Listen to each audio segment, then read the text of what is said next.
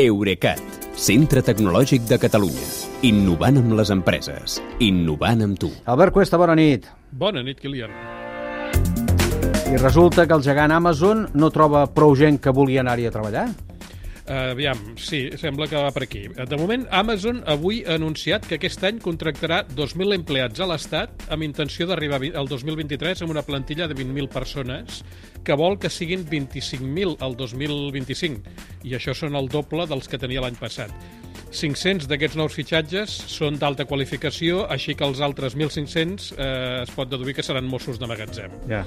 Uh, ara com ara, això pot fer-ho perquè aquí encara trobarà gent disposada a treballar omplint i bellugant caixes, però en altres llocs no és gens així.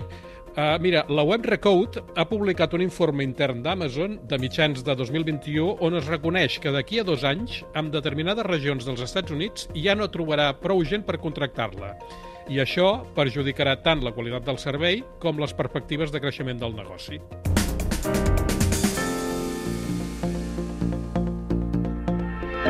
I això li passa a Amazon en zones poc poblades, potser?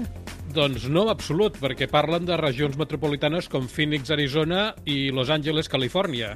Uh, les previsions del Departament de Personal d'Amazon tenen en compte factors com els ingressos familiars mitjans en cada zona i la proximitat de les llars als magatzems actuals o previstos. El que els està passant és que altres empreses, com els supermercats Target i Walmart o bé l'empresa de transport FedEx, ofereixen millors condicions laborals i salarials per la mateixa feina que Amazon segons expliquen antics empleats que han deixat l'empresa, que té una rotació altíssima de personal als seus magatzems precisament per la duresa de la feina. Doncs mira, només és un suggeriment, eh? però potser haurien d'anar pensant en apujar els sous. Salaris. Sí, allò, allò que sí, és una solució clàssica i de fet és una de les dues que proposa l'informe intern d'Amazon, que fins ara ni no s'ha distingit per ser especialment generosa ni amable amb els treballadors.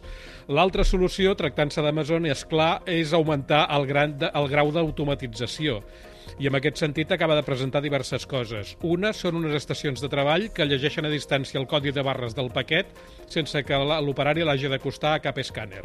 Un altre és un braç robòtic que en diuen Cardinal, que pot aixecar paquets fins a 23 quilos de pes. I la tercera és la nova generació dels seus robots de magatzem, aquells que semblen rumba gegants, sí i que traslladen prestatges plens de productes fins als operaris que han d'encaixar-los i etiquetar-los per enviar.